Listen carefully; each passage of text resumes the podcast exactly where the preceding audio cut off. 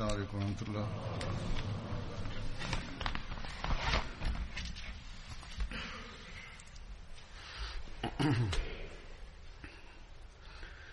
أشهد أن لا إله إلا الله.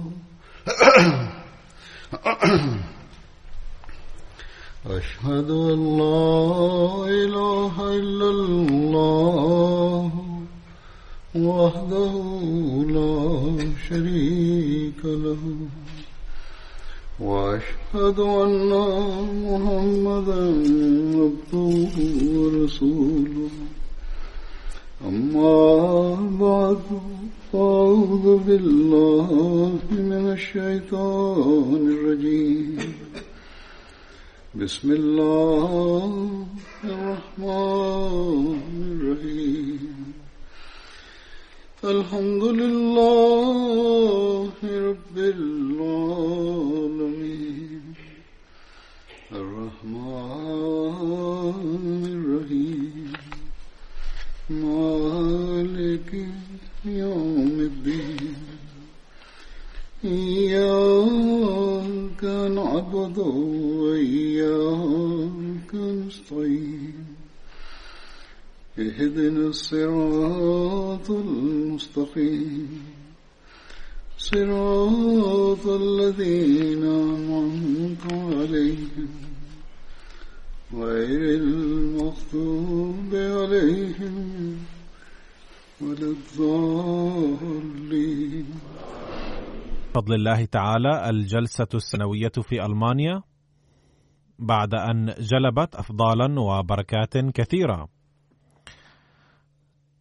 وكما أخبرتكم هناك في اليوم الأخير من الجلسة أن عدد الحضور كان يزيد على أربعين ألف مشارك بفضل الله تعالى.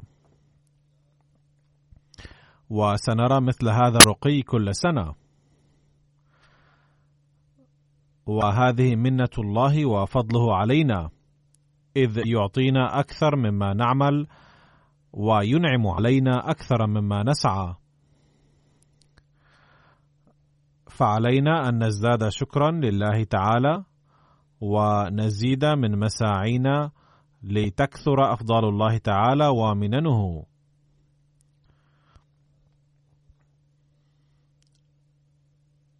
لا شك أن الأحمديين يعجبون بهذه الأجواء. ولكن قال مئات الضيوف غير الأحمديين وغير المسلمين أنهم رأوا جوا غير عادي وشعروا بتأثير عجيب لما رأوا.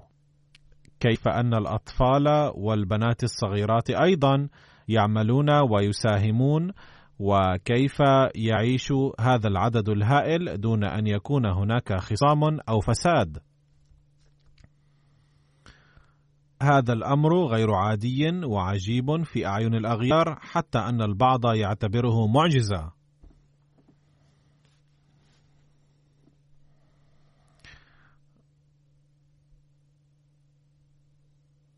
وعليه فإن جلستنا إلى جانب تربيتنا تصبح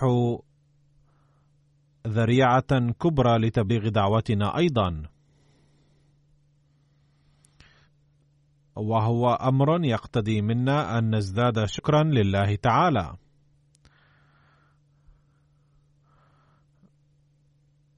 وينبغي أن نحرص على لا يكون هذا الجو مؤقتا بل ينبغي أن تكون كل لحظة من حياتنا مظهرة للتعاليم الإسلامية الجميلة من خلال أعمالنا.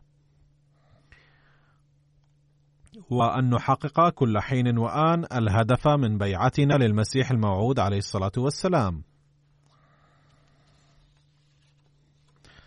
اعتدت بعد الجلسة ذكر بعض انطباعات الضيوف عنها. وسأذكرها الآن.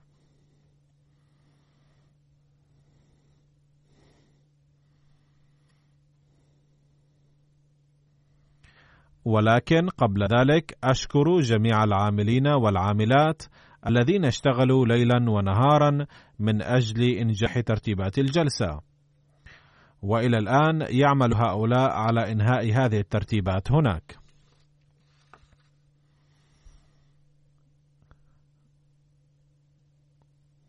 وكما يظهر هنا وفي كل جماعة منظمة وكبيرة في العالم أن العاملين فيها يضحون بكل لحظة من أجل العمل التطوعي في ترتيبات الجلسة وخدمة ضيوف المسيح الموعود عليه الصلاة والسلام غير مكترثين بأعمالهم وأغراضهم الشخصية.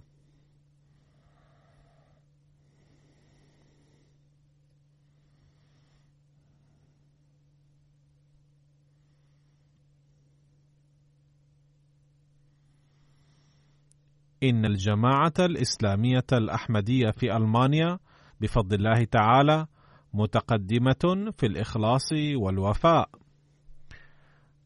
بل هي متفوقة في بعض المجالات على بعض الجماعات الكبيرة. فإن بقي أي نقص أو حصل أي تقصير في الأداء فمرجعه طريقة العمل للمسؤولين أو عدم استخدامهم العاملين بطريق صحيح أو عدم اتباعهم الطريق الصحيح. وإلا فإن أفراد الجماعة بفضل الله تعالى يعملون بكل إخلاص ويضحون بكل ما لديهم من نفس ونفيس. زادهم الله تعالى دوما اخلاصا ووفاء. آمين. نظرا لزيادة عدد الحضور هذه المرة. فكر المسؤولون وأمير الجماعة في ألمانيا والهيئة الإدارية المركزية بجدية في أن يكون لديهم مكان أوسع لعقد الجلسة.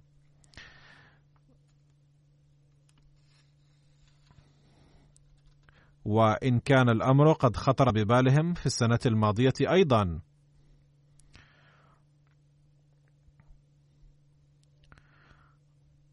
وأنا أيضا كنت أنوه إليه إلا أنهم فكروا في الأمر بجدية هذه السنة.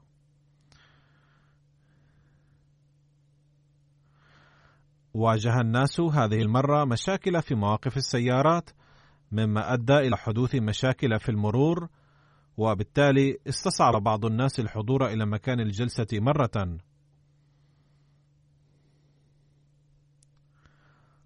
لا شك أن مثل هذه الأمور قد تحدث في مثل هذه الظروف التي يظهر فيها بعض التقصير أثناء ازدحام الناس.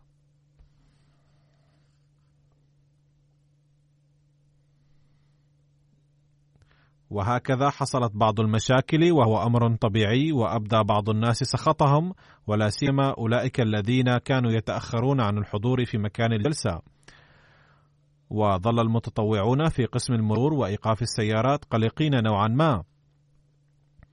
ولكن بفضل الله تعالى استمع الناس إلى خطابات الجلسة أو شاهدوا برامجها عبر الهواتف الذكية. ولكن كل هذه الأمور تنبهنا إلى ضرورة أن نجد لجلستنا في ألمانيا مكانا أوسع.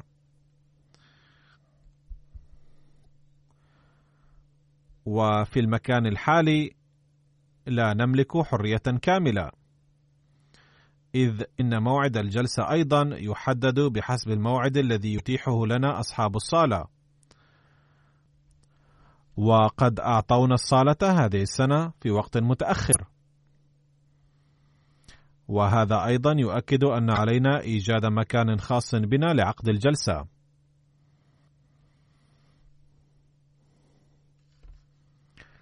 وقد أخبرني أمير الجماعة في ألمانيا أنهم وجدوا مكانا أعجبوا به ويسعون لشرائه.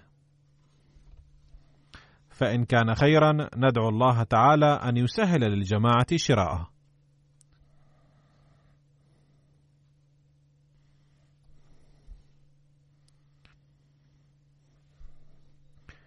إنني على أمل نظرا إلى روح التضحية والإخلاص والوفاء لجماعة ألمانيا. أنهم إذا احتاجوا إلى التضحية المالية فإن أبناء الجماعة سيكونون على أهبة الاستعداد. وفقهم الله تعالى لذلك.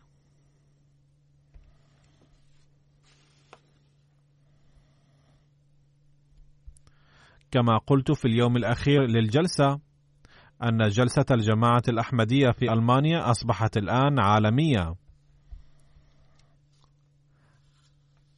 كان الحضور في جلسة ألمانيا للأحمديين في أوروبا سهلا مسبقا.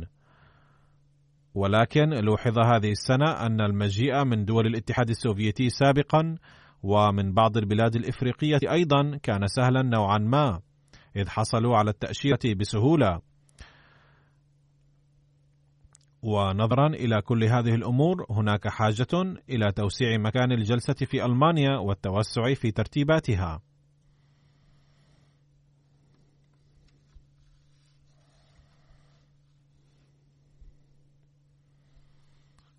بعد شكر المتطوعين في الجلسة وبعد التطرق إلى هذه الأمور المتعلقة بها أذكر لكم الآن بعضا من انطباعات الحاضرين في الجلسة.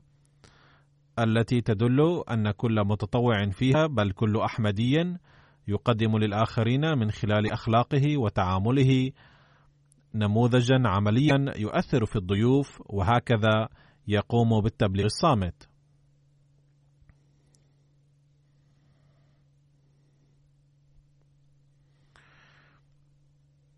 يعقد هناك في أيام الجلسة ظهر يوم السبت تحديدا برنامج لغير الأحمديين وغير المسلمين وألقي فيه خطابا.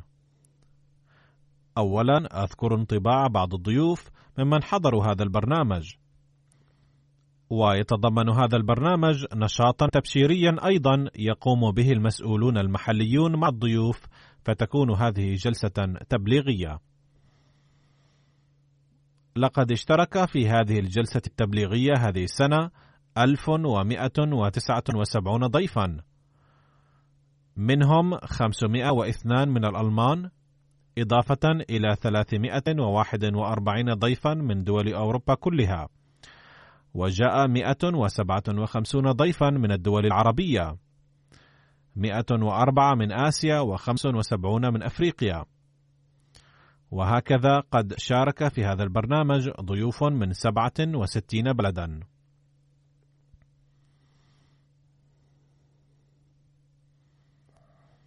ومن هؤلاء الضيوف ضيف اسمه السيد هونزوليور إنجو من فرانكفورت وهو محام في شركة كبيرة وهو يعيش في ألمانيا. وقد قال بعد اشتراكي في هذه الجلسة التبليغية وبعد استماعه لخطابي لقد نفخ خطاب إمام الجماعة الأحمدية في حماسا وهياجا كبيرا. إن التفطن إلى خطر آثار الحرب المحدقة على الأمور اليومية العادية التي تتم عموما براحة وسكون له أمر جد هام.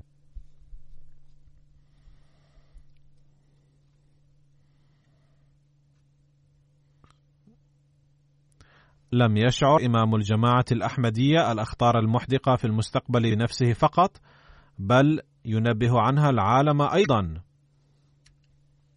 كذلك فإنه ربط بين الهجرة وبين منافع الحكومات الاجتماعية والاقتصادية وكان تحليله هذا صحيحا تماما. وإنني كخبير في الشؤون القانونية سأخبر زملائي عن ضرورة فهمهم لهذه الحاجة المزدوجة.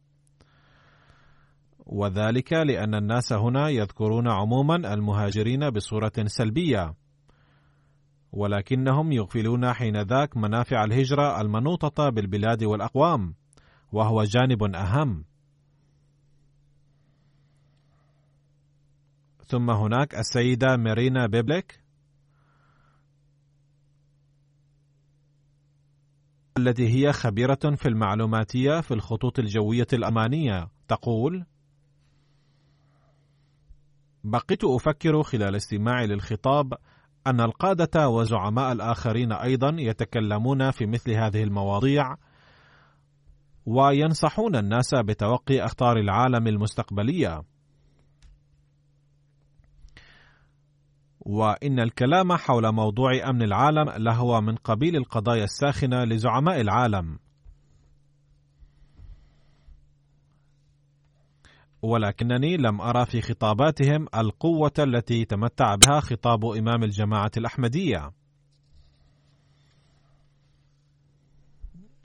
والأمر الثاني الذي لاحظته أن إمام الجماعة الأحمدية قام بتحقيق شامل ومفصل للقضية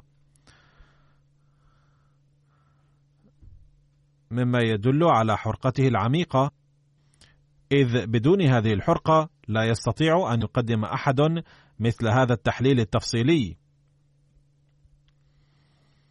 إن إمام الجماعة الأحمدية لم يوضح الأمر من الزاوية الدينية فحسب بل أوضح لقادة العالم من الناحية الاجتماعية والاقتصادية أن أمن العالم منوط بخشية الله وبمخافته. فإن لم يتم اتخاذ خطوات بعيدا عن تحقيق الأهداف الشخصية للدول لكنا نحن مسؤولين عن الدمار المهول الذي تسببه الحرب الذرية. تقول أرى أنه أوصل الرسالة بوضوح تام وهذا التنبيه كاف لتقشعر له أبدان الناس إن لم تكن هناك بعض العصبيات تحول دون ذلك وينبغي أن تبلغ هذه الرسالة إلى أصحاب الحل والعقد في العالم لأنه من أجل خير الإنسانية كلها لا بد أن يتم التوعية بهذا الأمر عالميا. وقد حضر السيد كلاوزي وزوجته السيدة هايدي وهما من الألمان يقولان عند مجيئنا إلى هنا كنا نشعر بالخوف. لا شك أننا تعرفنا إلى الجماعة الأحمدية منذ سنوات ولكننا كنا نتحفظ كثيرا عند مجيئنا للجلسة. وكان موقفنا مبنيا على المعلومات التي سمعناها عن الإسلام والمسلمين من خلال وسائل الإعلام. لأجل ذلك كنا خائفين اليوم أيضا عند حضورنا إلى هنا إذ لم نكن نعرف طبيعة الحضور. ولكن بعد مجيئنا إلى هنا ارتحنا كثيرا ووجدنا الجو مفعما بالمحبة حتى شعرنا وكأننا في بيئة مألوفة. ثم تقول زوجته عن خطابي بعد استماعها له أريد أن أقول أنني رأيت أهوال الحرب بأم عيني. هي تتكلم عن الحرب العالمية الثانية. وكان كلام حضرته عن الدمار المهول الذي نبه إليه إمام الجماعة الأحمدية قبل حدوثه أو ينبه وكان له وقع مختلف على مثل ممن رأى الحرب العالمية. وإننا متفقون مع كل كلمة في هذا الخطاب ونتمنى أن يعي الجيل الحالي هذا الأمر ويدركه في وقت مناسب.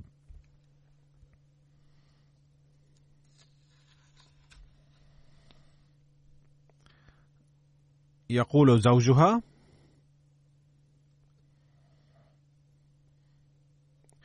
إن إمام الجماعة قد نبه إلى الأخطار إلا أنه لم يذكر اسم أحد ولم يكن في كلامه إشارة أو ميل إلى جهة معينة. وكان أسلوب خطابه وأسلوب النصيحة الصادقة التي كانت منزهة عن الإعجاب الشخصي. لم ألاحظ في كلامه شائبة من الميول الشخصية إلى اتجاه معين، وهذا ما يليق بمنصب الزعيم الديني. ثم يقول: بعد استماعي لهذا الخطاب أذهب من هنا موقنا بأن الجماعة الأحمدية تكن مواساة وحرقة للعالم كله. ثم هناك محام يدعى السيد واغنر يقول: ليست هذه المرة الأولى لاشتراكي في الجلسة. إنني على اطلاع على كثير من الأمور بحكم كوني محاميا موكلا في قضايا بعض الأحمديين. إنه يتابع قضايا الأحمديين طالبي اللجوء، ولكن خطاب إمام الجماعة اليوم كان يحمل لي جوانب كثيرة ونقاطا هامة.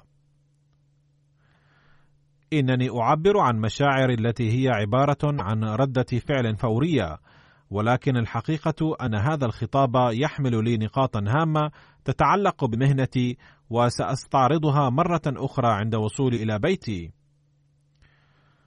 إن وجهة النظر التي قدمها اليوم إمام الجماعة الأحمدية عن المهاجرين واللاجئين من شأنها أن تخلق الوقار في العلاقة بين البلاد المضيفة والمهاجرين. وخاصة في ضوء الأعداد والإحصائيات وكبار السن والبالغين سن التقاعد من المواطنين. فإن الأسلوب الذي به أبرز حاجة ألمانيا إلى الأيدي العاملة سيعزز كرامة النفس لدى المهاجرين ويزيد من احترامهم ووقارهم في الأوساط المضيفة. ولكني أريد أن أقول مرة أخرى أن في هذا الخطاب مادة مفيدة وغنية لي ولزملائي الذين يعملون في مجال فرع الهجرة. فمن هذا المنطلق يمكن مساعدة الناس من الناحية الدنيوية أيضا. قالت السيدة ليزا من سويسرا: أنا موظفة في مؤسسة تعمل لترويج الأمن والسلام. وحين سمعت خطاب الخليفة اليوم رأيت الأمن والسلام في كل كلمة فيه. وقد رأيت في كل كلمة التسامح والقيم الإنسانية. فإذا جمعتم بين الأمن والتسامح والإنسانية لشكلتم مجتمعا جميلا.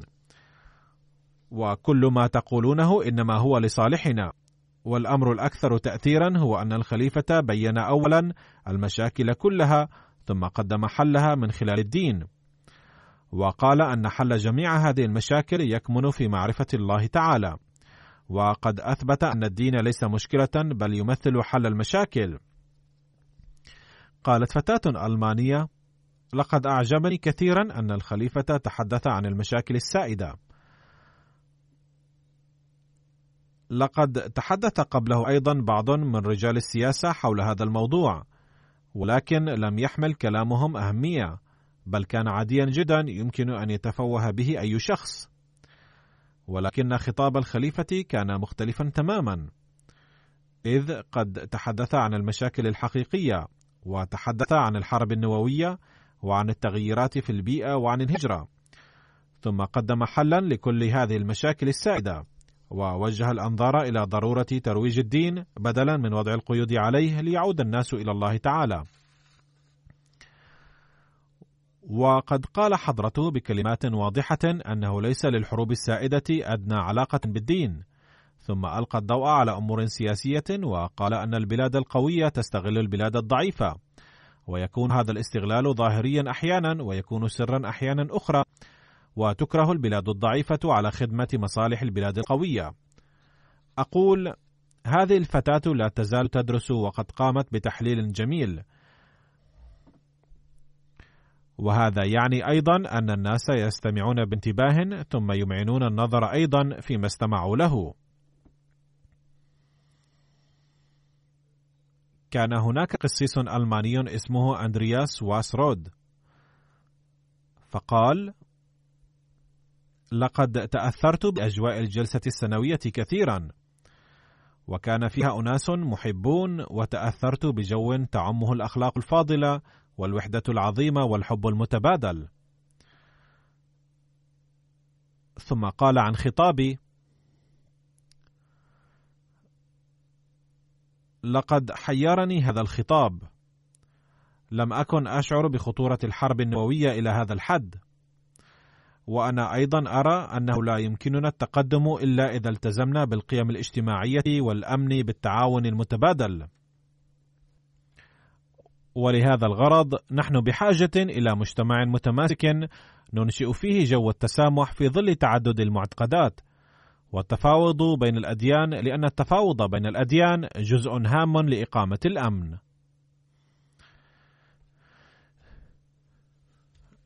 أقول ثم هناك انطباعات الناس عن الجلسة بوجه عام وقد أخذت بعضا من تلك الأمثلة للبيان هنا على سبيل المثال. كان هناك وفد من مقدونيا يضم سبعين شخصا منهم ثمانية صحفيين وممثلان للقناة الفضائية المحلية وستة ممثلين للقناة الوطنية أو وكالات الأخبار.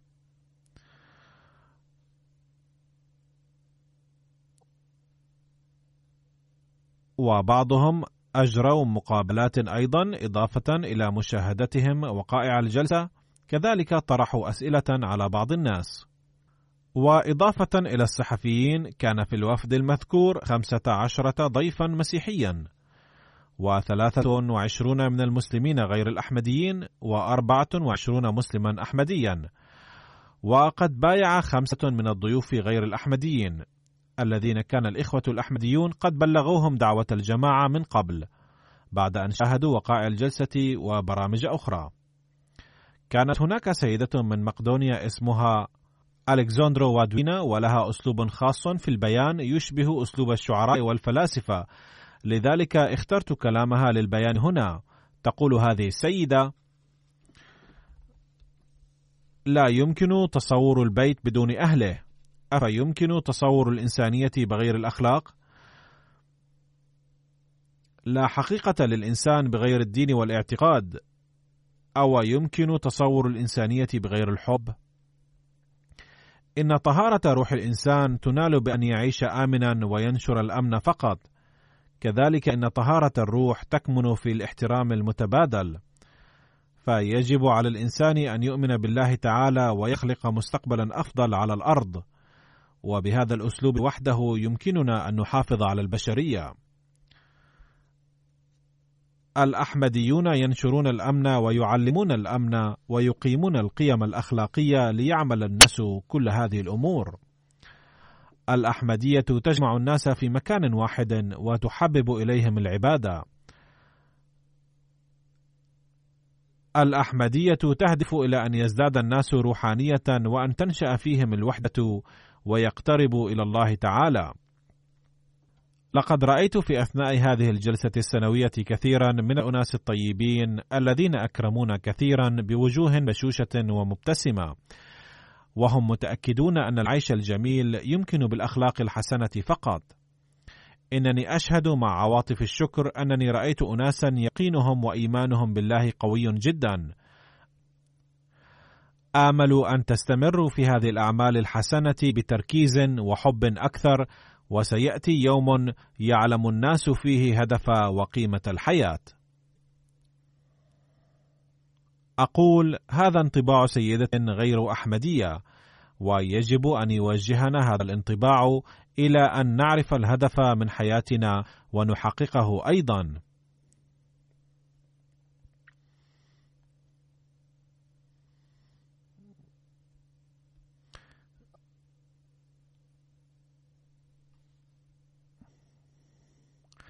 كان في وفد مقدونيا صحفي اسمه زورانجو زوينسكي يمثل قناة تلفزيونية. فقال في تعليقه لقد اشتركت في الجلسة للمرة الثانية وهذا شرف كبير لي. كانت ترتيبات الجلسة جيدة جدا. وأرى أنها كانت أفضل من الجلسة في العام المنصرم. وقد استمتعت بخطاب الخليفة كثيرا، إذ كانت كل كلمة فيه درسا للبشرية. إن شعار الحب للجميع ولا كراهية لأحد رسالة عالمية. إن الإيمان بالله ومساعدة الناس جميعا لعمل من شأنه أن يرفع الخلافات من بين الناس جميعا. الجماعة الأحمدية تعلم الناس أمورا إيجابية. ثم يقول عن مؤتمر صحفي عقدته: الأجوبة التي قدمها الخليفة للصحفيين كانت مبنية على القيم الإنسانية الأساسية. أنا أيضا صحفي وسأحاول إجراء المقابلة مع الخليفة في وقت من الأوقات. الخليفة يقدم نصائح حسنة وآمل أن مزيدا من الناس سينضمون إلى الأحمدية ويعملون لصالح البشرية. العالم يرى أن الإسلام سينتشر بواسطة الأحمدية بإذن الله تعالى. يقول ضيف آخر اسمه بيومينسكو: لقد فهمت رسالة المسلمين الأحمديين بعمق، وبصفتي صحفيا درست التعليم المتشابه بين أديان مختلفة. إن أساس الدين مبني على حب الله تعالى وحب البشر. هذه رسالة يحتاج إليها العالم المعاصر بشدة، وإن حل كثير من المشاكل التي تقض مضجع العالم يكمن اليوم في رسالة الحب. المشكلة الكبيرة التي تواجهها أوروبا اليوم هي ازدياد قوة رجال السياسة من جبهة اليمين. وحلها يكمن في المفاوضات بين الأديان والحضارات. وإذا بحثنا عن الله تعالى سنعلم أنه ليس هناك فرق كبير بيننا. وبقدر ما نبتعد عن الله تعالى سنبتعد عن الإنسانية والناس بالقدر نفسه. إن فترة المادية هذه تقضي على الحياة الروحانية والعلاقات المتبادلة. لذا علينا أن نحمي أسرتنا واصدقائنا وعلاقاتنا المتبادلة. كان هناك ضيف آخر اسمه جاني جيبو فقال لقد حضرت الجلسة مع عائلتي لأول مرة كانت الجلسة جميلة وتجربة جميلة جدا. لقد اطلعت على دعوة الأحمدية لأول مرة في مقدونيا، وشعرت بأن رسالتها ترشد الناس إلى قيم إيجابية. وقد قبلت عائلتي هذه الرسالة أولا ثم أرشدوني إليها، وإنني أشكركم على تدبير اشتراكي في هذه الجلسة. ثم هناك سيدة أخرى اسمها تانيا فقالت: لقد اشتركت في هذه الجلسة أول مرة وكان كل شيء جديدا بالنسبة لي. كانت الترتيبات كلها جيدة جدا من كل الجوانب والنواحي، وخاصة أن تعامل المتطوعين كان مبنيا على روح الصداقة، إذ كانوا يخدمون بوجوه بشوشة. وكانوا يعملون بحسن الأخلاق. وقال طالب جامعي من بلغاريا: كان الناس متعاطفين جدا لذلك أنا هنا. وقد رأيت حفل البيعة العالمية بصفتي زائرا. ولا أجد كلمات لأعبر بها عن عواطفي. إن اجتماع الناس بهذا الشكل أمر جميل جدا. لقد اشترك في الجلسة وفد من بلغاريا يضم تسعة وأربعين فردا فيهم خمسة عشر من الأحمديين وأربع وثلاثون من المسلمين غير الأحمديين والمسيحيين. قالت سيدة مسيحية اسمها السيدة جوليا وكانت ضمن الوفد تغمرني العواطف عندما أفكر في أنني مشتركة في جلسة الجماعة الأحمدية مع آلاف من الحضور لا شك أنني مسيحية ولكن خطاب الخليفة أعجبني كثيرا إن أدعيته كانت تؤثر في القلوب وقد أعجبت كثيرا بتلاوة القرآن الكريم وترجمة معانيه. والجدير بالمدح هو أن الخليفة قد أعطى الطلاب الجوائز بيده. ثم تدعو هذه السيدة الله تعالى وتقول: أدعو الله تعالى أن تجاب أدعيتكم. كانت ضمن وفد بلغاريا سيدة اسمها كيسما ألميرا تقول: لقد سنحت لي الفرصة للاشتراك في جلسة ألمانيا للمرة الثالثة وكل مرة أتعلم أشياء جديدة. لقد سمعت المحاضرات بانتباه كبير لأني أعمل كمعالجة طبيعية ونفسانية وأستطيع أن أحل مشاكل كل مريض بواسطة تعليم الجماعة الأحمدية الذي يذكر في هذه المحاضرات. وأعود إلى بلدي بعد أن أجمع نصائح مفيدة لنفسي أيضا.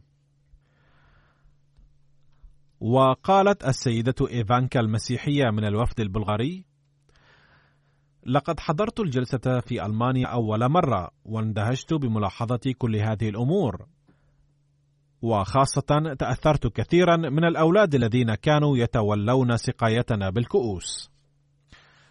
ثم تقول السيدة جيليا إنني حضرت الأيام الثلاثة كلها لجلسة ألمانيا ولقد تأثرت كثيرا بإكرام الضيوف وترتيبات الجلسة كما ترك في تأثيرا كبيرا لقاء أصحاب الأخلاق النبيلة والخصال الحميدة في هذه الجلسة. هذا العام جاء وفد من المجر يضم ثمانية ضيوف وإحدى عشر أحمديا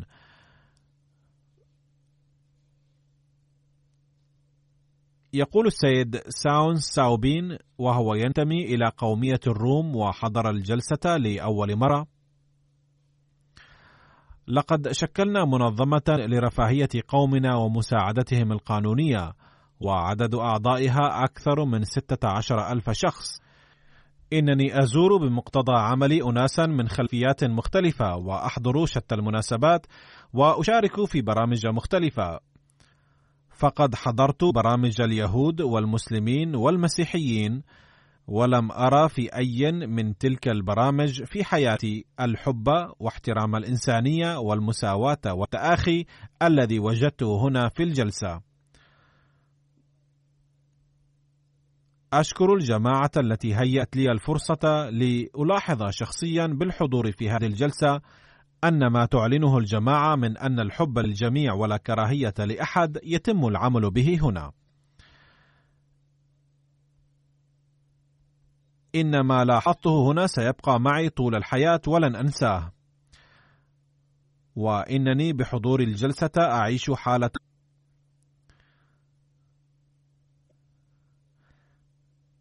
في بلدي هناك كراهية خاصة تجاه المسلمين بسبب اللاجئين المسلمين وإننا نرفع الصوت بحقهم سلفا والآن سوف نرفع هذا الصوت باهتمام وتركيز أكثر ونعلن أن ما يقال عن المسلمين في الإعلام هو غلط تماما.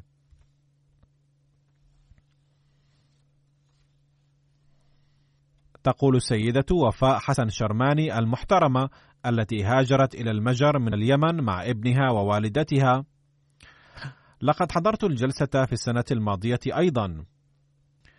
وفي السنة الماضية حين ذهبت إلى خيمة النساء وجدت نفسي مرتاحة أكثر. وهذه السنة استمعت لجميع البرامج جالسة في خيمة النساء فقط. وعشت هناك جوا مفعما بالعواطف والروحانية. ثم هناك الضيف السيد بيسن جوزي المحترم وقد انضم إلى الجماعة الأحمدية مبايعا في آخر أيام الجلسة وأبدى عواطف الشكر لله تعالى على ذلك. فقال أن سبب بيعته لقاؤه معي قبل بضع سنوات إذ تأثر به كثيرا ثم ظل يحضر جلسة ألمانيا كل سنة.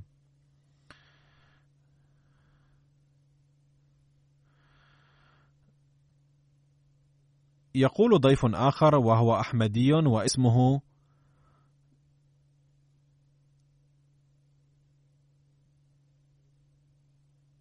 بيكم بيستي المحترم.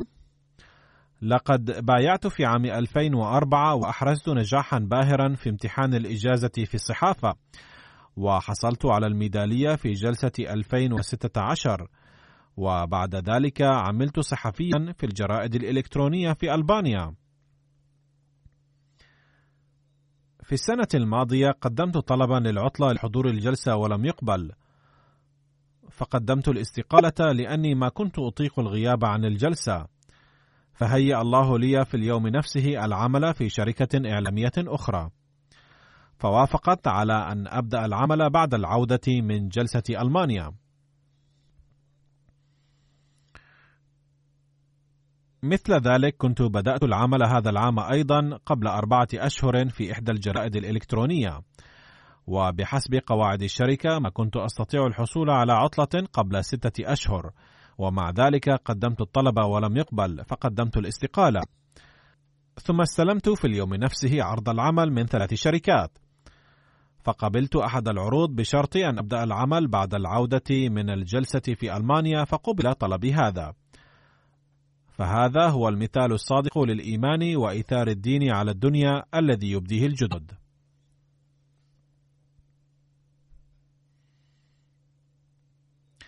ثم هناك الأحمدي جزم أزاتشي وكان ينتمي إلى جمعية لا دينية وقبل بضع سنوات تواصل مع الجماعة فوجد الأدلة التي تقدمها الجماعة عن الدين والإسلام خصوصا معقولة جدا وأعجب بها. قبل ذلك كان يتبرأ من الدين بسبب الخرافات التي يذكرها المشايخ. فبايع قبل بضع سنوات والآن بدأ يعمل تدريجا بتعاليم الإسلام. فقال أعجبتني الجلسة كثيرا حيث كانت الترتيبات والضيافة رائعة. لقد أعجبني خطاب الخليفة في اللجنة والخطاب النهائي للجلسة ويجب أن نتذكر نحن الرجال دوما هذه الرسالة. ثم هناك الضيف الألباني السيد إيلي شوانجي المقيم في ألمانيا.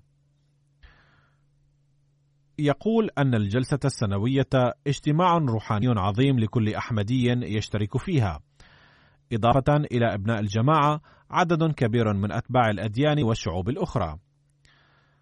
فبحضوره الجلسة تعرف إلى التعاليم الأساسية للإسلام من ناحية ومن ناحية أخرى شاهد نماذج العمل بهذه التعاليم الجميلة بواسطة نظام الخلافة. وقال أن في هذه الأيام الثلاثة تعقد الجلسات في خيمة الرجال وخيمة النساء وتقدم فيها التعاليم الجميلة للإسلام مقابل التحديات المعاصرة والتغيرات.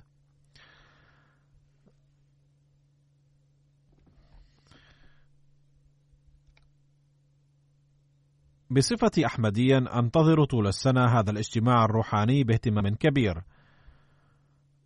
لأني أرى هنا روح الأخوة الحقيقية التي يتعذر بيانها حيث يصدر الحب الطبيعي والخالص من قبل جميع أعضاء الجماعة. وبحضور هذه الجلسة يبدو لي كأني أعيش في الجنة وأني أسعد انسان في العالم. ثم انتظر الجلسة القادمة طول السنة بفارغ الصبر. ثم كان هناك وفد من جورجيا يضم 85 ضيفا. وكان أكبر وفود الولايات الروسية السابقة. يقول رئيس المنظمة الخيرية السيد بيسو لقد تسنى لي لقاء إخوة كثر وحاولت أن أعرف أثناء الحديث إلى أي مدى تحترم هذه الجماعة التسامح الديني. ومن أجل ذلك قابلت أحمديين وأثناء تبادل هذا الحديث أخبرتهما فجأة إني لست مسلما المسيحي وكنت أظن أن تصرفهما إثر ذلك سيتغير فورا. لكنني استغربت جدا من أن هذين الأحمديين ظلا يتكلمان معي بنفس الأخلاق التي كانا يتكلمان بها سابقا ولم يبديا أي نوع من التعصب. وبهذا أيضا يحاول الأغيار أن يختبرونا. في هذا الوفد كانت هناك طالبة تدرس العلوم الدينية وقد أبدت عواطفها عن برنامج البيعة وقالت: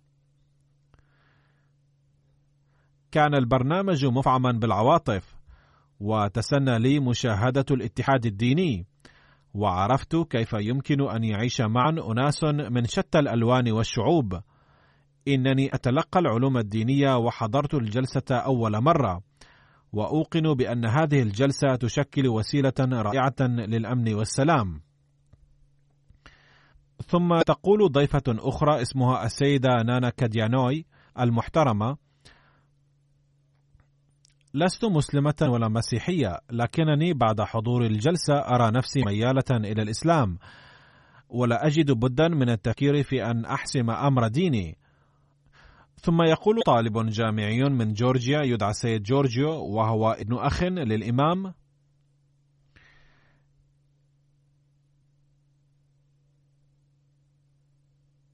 إني مسلم بالاسم فقط.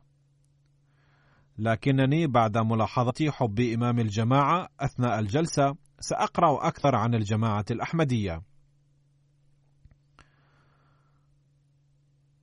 حضر من كوسوفو أيضا وفد يضم 30 أحمديا و15 ضيفا من غير الجماعة. أحدهم السيد شيبز جرجي المحترم فقد حضر الجلسة للمرة الثانية. وقال حين أخبرت أني سوف أحضر الجلسة فرحت كثيرا. ثم حين عرفت نفقات السفر لحضور الجلسة ترددت كثيرا. لكن لقاء الخليفة وحضور الجلسة كانت أمنية غالية لي. لذا فقد بعت بقرتي وبذلك توفرت لي نفقات السفر. وهكذا أيضا يسعى الأحمديون بعد البيعة لحضور الجلسة بتقديم التضحيات أيضا. فهذه أمثلة من زمن قديم يحييها هؤلاء الجدد. كان في وفد كوسوفو السيد سكندا أرسلاني المحترم وهو أستاذ الأدب الألباني واللغة الألبانية. ونال سعادة البيعة هذا العام. فقال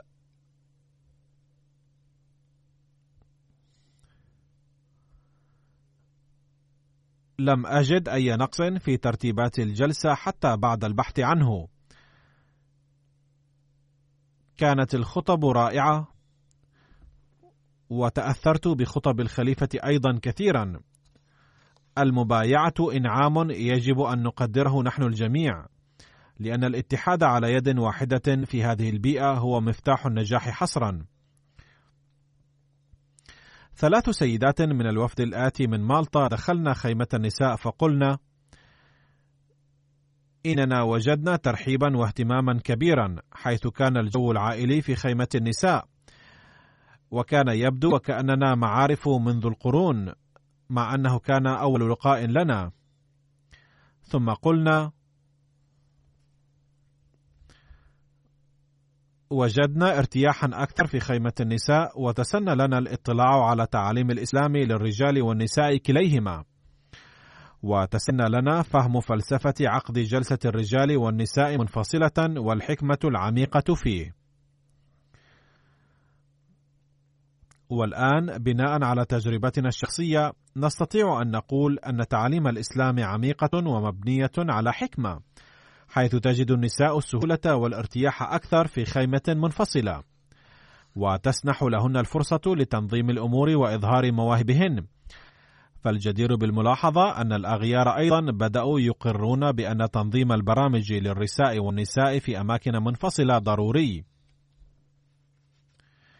يجب أن تفكر في ذلك بعض الفتيات الأحمديات التي تساورهن الأفكار أحيانا حول سبب عقد البرامج للرجال والنساء في مكان واحد ولماذا لا توجد الحرية. تقول ضيفة من مالطا وهي تزوجت حديثا أنها تأثرت بخطابي في النساء كثيرا حيث لفت الأنظار إلى تأدية حقوق الرجال والنساء ومسؤولياتهم وتقول تظهر المشاكل في البيوت عادة وإن توجيهكم بهذا الخصوص سيكون مفيدا جدا دوما. ثم قالت: إن تعليم الإسلام عن الطهارة والعفاف قبل الزواج شامل ومليء بالحكمة، وهذا أمر هام جدا، كما وجهتنا إلى الطهارة المادية والروحية والتقوى والورع. إذا تسنى لي حضور الجلسة مرة أخرى، فسوف أقضي كل وقتي في خيمة النساء لأن الجو هناك كان دينيا وروحانيا جدا. قال ضيف جاء من قرقزستان كانت مشاعري غير عادية بعد حضور الجلسة السنوية. لم أبكي قبل الأحمدية قط ولكنني بكيت في قاديان وفي ألمانيا فقط. كنت أشعر أن قلبي قد رق وحدث فيه تغير وكل من يبايع يزيدني إيمانا. كنت شيخا في السابق وحين قرأت كتب الجماعة الأحمدية عرفت حقيقة جميع الأمور الواردة في القرآن الكريم عن الدجال والمسيح الموعود وغيرها. شعرت عند البيعة كأن الماء البارد يلقى علي وأصبحت الآن مسلما حقيقيا.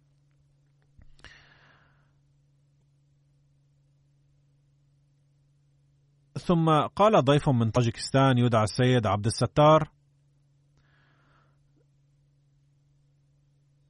كنت سمعت عن الأحمديين وأنهم ليسوا مسلمين ويجيزون شرب الخمر وقبل حضور الجلسة زرت مسجد السبحان للجماعة الأحمدية في ألمانيا وصليت فيه فعرفت أنهم مسلمون ويعملون بأركان الدين الخمسة. وبعد حضور الجلسة تبين لي أنهم يؤمنون بالإمام المهدي ولا يشربون الخمر إطلاقا ويعملون بأوامر القرآن الكريم. وقد حصلت على معلومات كثيرة عن الجماعة الأحمدية بعد حضور الجلسة. وأصبحت أحسبكم مسلمين أساسا وأن لكم أركان الدين والإسلام نفسها التي هي لسائر المسلمين. ولقد رأيت هنا أكبر اجتماع للمسلمين بعد الحج. قد جاء من ليتوانيا وفد مؤلف من 58 شخصا. كان أربعون منهم من غير الأحمديين واثني عشر أحمديين. قال من بينهم ضيف اسمه بطرس يانو ليونس مبديا انطباعه.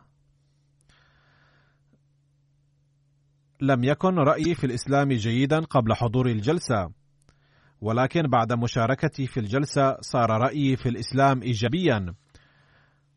وشعرت في الجلسة أن المسلمين مخلصون للغاية لاعتقادهم.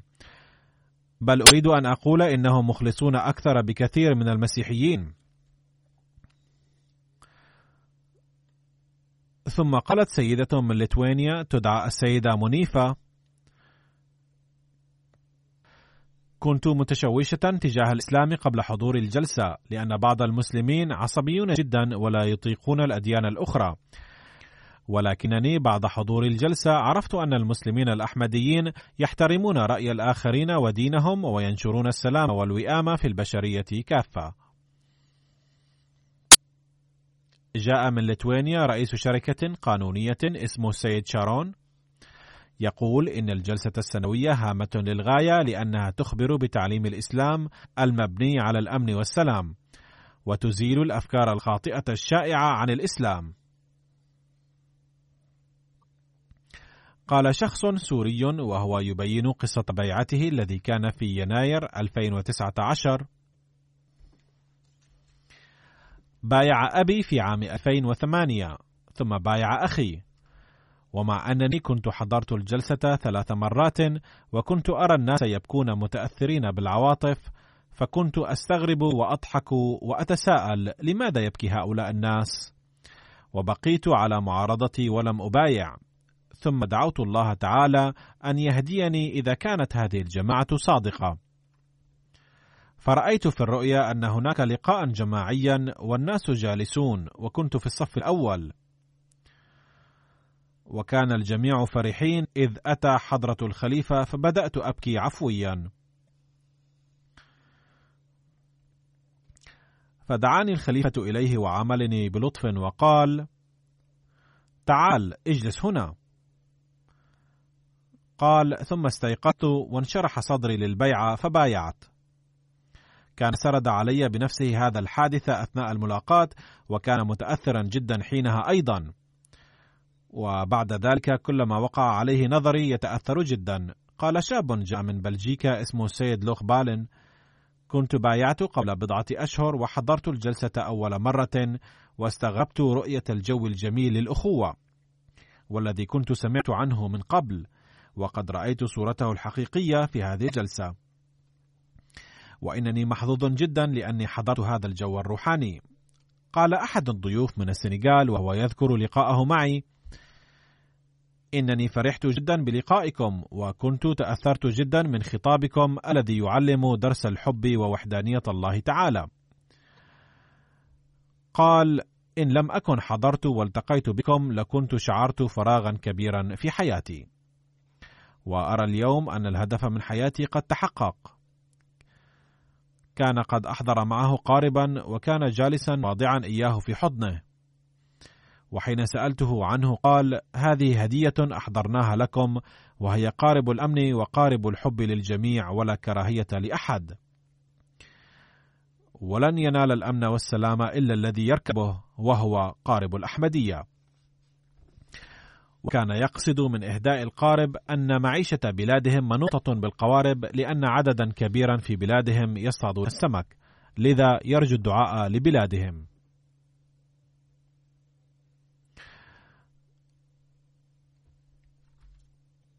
وكان معه ضيف آخر وهو مدير قسم صحة في إشمنت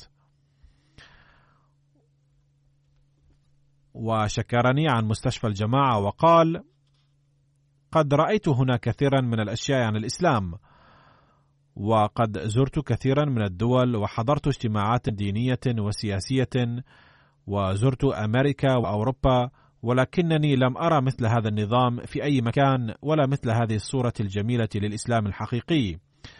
كما لم أشهد مثل هذه الطاعة التي رأيتها في الناس هنا ولا مثل هذا الحب للخلافة. قال أستطيع القول على وجه البصيرة بأن لا أحد في الدنيا كلها يحب قائده السياسي أو الديني بقدر ما رأيت الناس هنا يحبون خليفتهم. وأنني أعترف بهذه الحقيقة.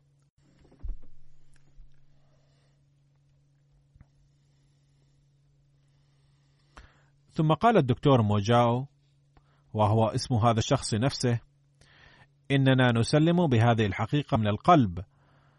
بأننا ما رأيناه هو الحق الذي لا يمكن أن يرده أحد. وإن قلوبنا اليوم معكم وإننا نشعر بما رأينا وسمعنا منكم وسوف نسعى للعمل به.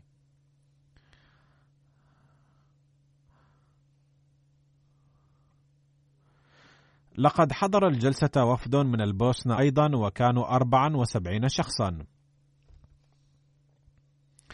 وهناك رئيس لجمعية محلية يدعى سيد ياسمين سباتشيت يقول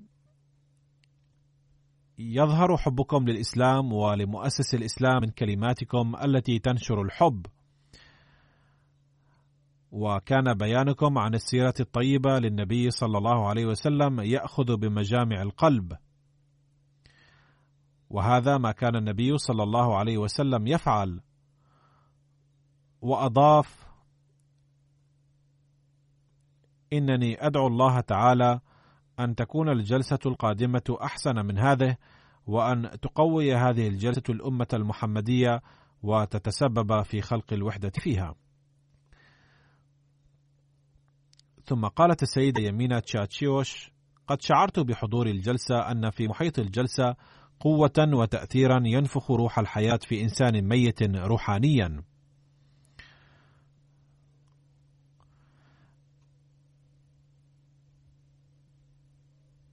ثم قالت الماك كريمش إنني أريد أن أشكر الجماعة الأحمدية مستغلة هذه الفرصة إذ أعطتني فرصة حضور هذه الجلسة وأثرت في كثيرا الضيافة وإعدادات الجلسة وخاصة أن الناس الذين كانت البسمة في وجوههم دوما أمضوا عطلتهم الأسبوعية فيها.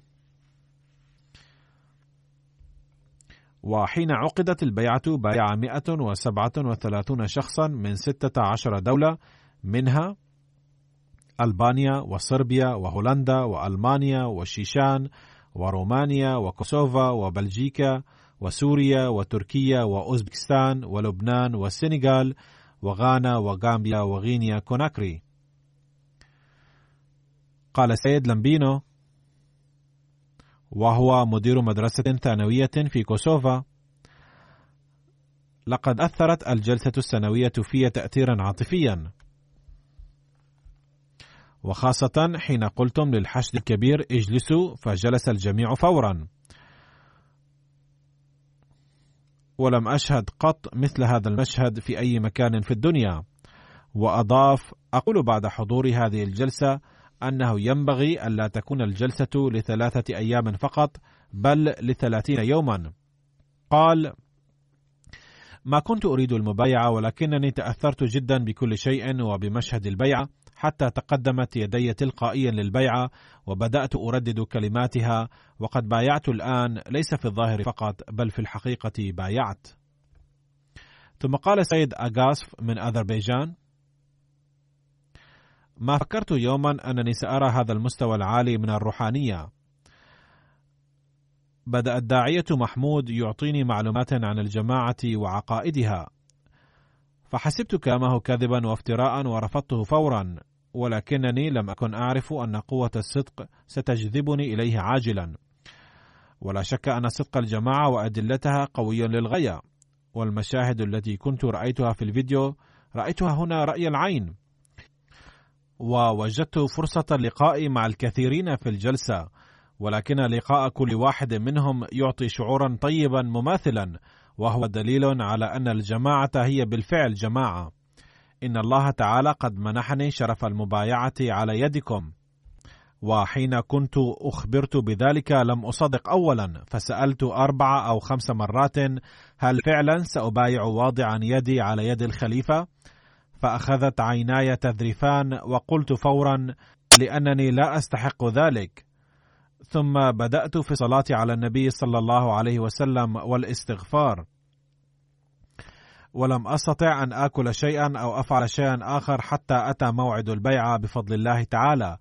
وقد آتاني الله تعالى قوة وفرصة روحانية بحيث خررت ساجدا وشكرت الله تعالى الذي وفق هذا العبد المتواضع للمبايعة على يد حضرته وعرفت بعد الجلسة أنني سأعطى فرصة للقاء آخر مع حضرته فبقيت أفكر في أسئلة كثيرة ولكن حين جاء اللقاء نسيت كل شيء وتذكرت سؤالا مقلقا أكثر وهو أنني حين سأعود بعد الجلسة إلى بلدي فهل سيبقى هذا المستوى من الروحانية؟ فقال حضرته إذا كنت تريد أن تبقى على هذا المستوى من الروحانية فعليك الالتزام بقراءة دعاء سورة الفاتحة. اهدنا الصراط المستقيم صراط الذين أنعمت عليهم والاستغفار. قال إنني عائد من هنا قاطعا العهد بأنني سأظل أعمل بهذه الوصية حتى الجلسة القادمة وسآتي في الجلسة القادمة وأخبر حضرته بأنني عملت بهذه الوصية. زاده الله تعالى إخلاصا ووفاء. كان بين وفد كوسوفو شخص حضر الجلسة أول مرة وقد قال إنني لا أجد كلمات لإظهار مشاعري وعواطفي. كنت أتمنى أن أتقي في حياتي بشخص يقلق للعالم كله وتنحل مشاكلي كلها بلقائه وكان حضوري هذه الجلسة بتصرف من الله تعالى. وكنت أشعر عند البيعة وكأني اقتربت من الله تعالى. ثم السيد أبلوم المحترم من ألبانيا يقول لقد بايعت على يدكم وتشرفت بالانضمام إلى الجماعة. أحمد الله حمدا كثيرا على أنه وفقني لقبول الأحمدية. ثم يقول أشكر الله كثيرا إذ كنت قبل عام فقط صفرا من الإيمان لكنه تعالى أنعم علي بنعمة الإيمان في هذا العام. لقد ولدت وترعرعت في بيئة ملحدة ولكن الله تعالى تفضل علي بنعمة الإيمان من خلال حضور الجلسة السنوية ولقائكم. وقال الدكتور محمود محمد المحترم عندما حضرت الجلسة قبل سنتين أول مرة استغربت مما رأيت إذ كان عجيبا بالنسبة لي قول الأحمديين إن المهدي والمسيح قد جاء ونحن لا نعلم ذلك. كانت تراودني تساؤلات لأن ما تعلمناه هو أن المهدي يكون عربيا ويكون اسمه محمد بن عبد الله. هل هذه الجماعة دينية أم سياسية؟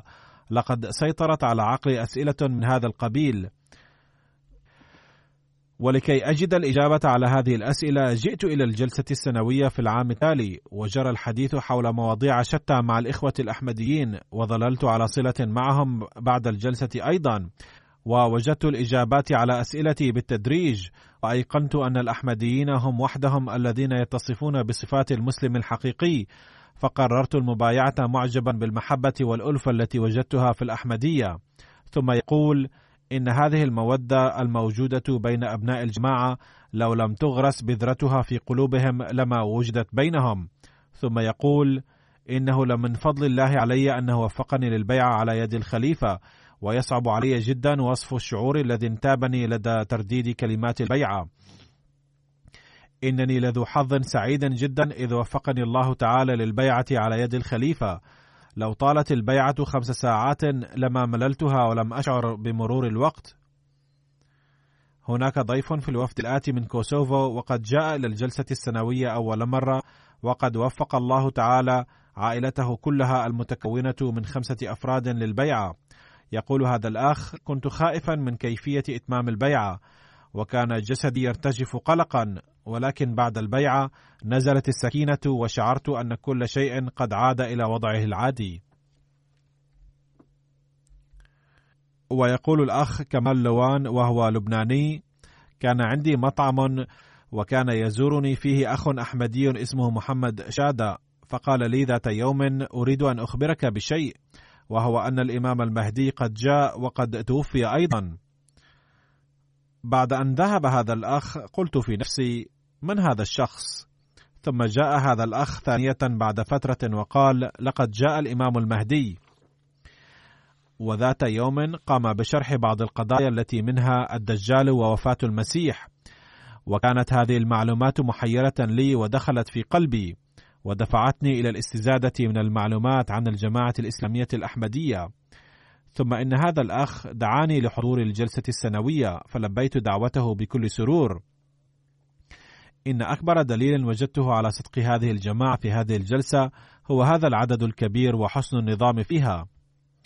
وأخبرني أحد الإخوة خلال الجلسة أن هذا هو خليفة المسلمين ثم إني وجهت إلى الأحمديين بعض الأسئلة فردوا علي برفق ولطف كبيرين. فظل قلبي يطمئن ويقتنع بصدق الأحمدية باستمرار فقلت في نفسي ما يدريك هل ستحيا حتى السنة القادمة أم لا؟ لذا يجب أن تبايع حالا. فبايعت. وهناك اثنتان من رؤياي كانتا أيضا سببا لمعرفة صدق الأحمدية. الحمد لله أن أحد أبنائي قد بايع أيضا وأتمنى أن يبايع سائر أولادي.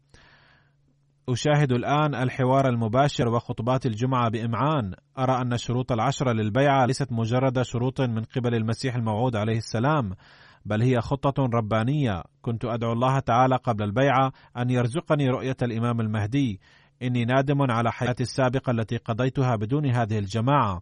لذلك فإني أحترم كل أحمدي من أعماق قلبي لأن هؤلاء يخدمون دين محمد المصطفى صلى الله عليه وسلم. لا قلق عندي بشأن الإنفاق على زوجتي وأولادي ولا بشأن عملي بل إنما يقلقني هو أن أجد من المال ما أنفقه من أجل ازدهار الجماعة وأخدمها وأدعو الله تعالى أن يتقبل رغبتي هذه. ثم هناك السيد فؤاد المحترم يقول قبل التعرف إلى الجماعة الإسلامية الأحمدية كنت أفكر في عظمة الله تعالى وأنظر إلى حال المسلمين التي كانت تزداد سوءا يوما بعد يوم وكنت أقول متى ستنصلح حالهم. ثم هاجرت إلى ألمانيا وعند رؤية العرب في أوروبا كنت أفكر وأقول في نفسي على أيدي هؤلاء ينتشر الإسلام في أوروبا كما ورد في الحديث بأن الإسلام سينتشر في أوروبا في الزمن الأخير؟ في هذه الأثناء قابلت صديقا لي أحمديا اسمه ماهر المعاني فبدأ يخبرني عن الجماعة. في البداية عارضته ولكن بعد مطالعة كتب الجماعة قررت المجيء إلى الجلسة السنوية. فرأيت الجلسة وتساءلت كيف اجتمع هذا العدد الهائل من الناس على يد واحدة؟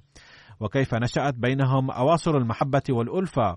فدعوت في صلاة التهجد كثيرا وقلت إلهي إذا كانت هذه الجماعة على الحق فوفقني للبيعة في هذه الجلسة نفسها أي الجلسة السنوية لعام 2018 فاطمأن قلبي في تلك الجلسة وبايعت لكن زوجتي رفضت البيعة فقلت لها ناصحا اقرأي هذه الكتب واستخيري الله تعالى. فقامت زوجتي بالاستخارة إلى ثلاثة أشهر فرأت في المنام أن هناك جمعا من الناس وهناك حمامة بيضاء بينهم. فسألت ما هذه الحمامة؟ فقال شخص من بين القوم هذه الحمامة قد جاءت إلى القدس لنشر الإسلام. بهذه الرؤية انشرح قلب زوجتي وقد حضرت الجلسة السنوية هذه السنة 2019 وقد بايعت.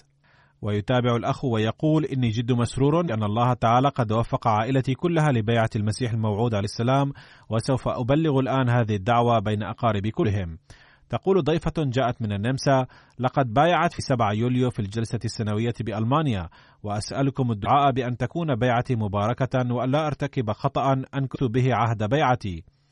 وبأن أحدث في نفسي تغييرات طيبة ذكرها المسيح الموعود عليه السلام في كتابه فلسفة تعاليم الإسلام. ثم تقول أنا أحمدية مع عائلتي منذ عام 2011 ولكني لم أكن قد ملأت استمارة البيعة وكنت أحسب نفسي أحمدية وكنت أتمنى منذ الصغر أن أبلغ الثامنة عشر من عمري فأبايع بنفسي على يدكم وقد تحققت أمنيتي في هذا العام. وهذه العزيزة كانت تقوم بالدعوة حتى قبل ملء الاستمارة وهكذا يشرح الله صدور الشباب والفتيات إلى الأحمدية. عبرت فتاة كردية عن انطباعاتها فقالت: كانت أمي قبلت الأحمدية ولكني لم أكن مستعدة لذلك عندها، وبدأ صدري ينشرح للأحمدية منذ بضعة شهور، لأني قد رأيت المودة بين الأحمديين، وبعد الاستماع لخطابكم اليوم قد زالت مخاوفي كلها. حضرت الجلسة في السنة الماضية أيضا، ولكن لم يكن حالي كما اليوم والدتي فرحانة أيضا الآن قد انتابني شعور عارم بأن علي الآن أن أصبح أحمدية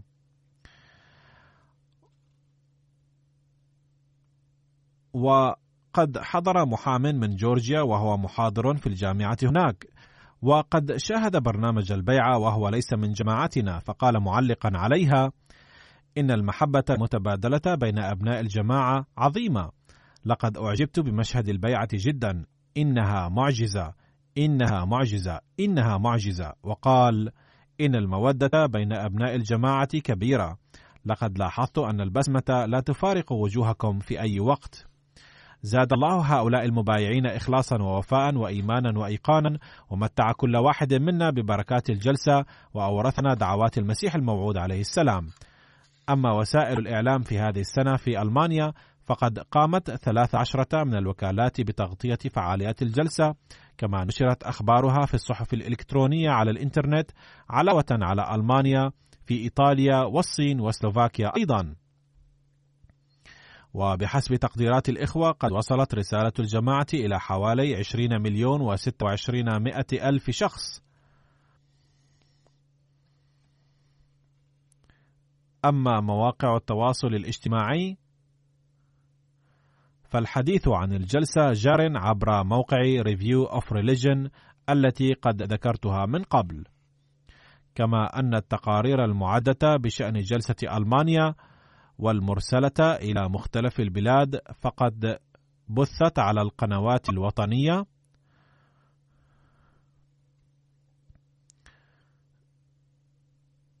في غانا وغامبيا ورواندا وسيراليون وأوغندا.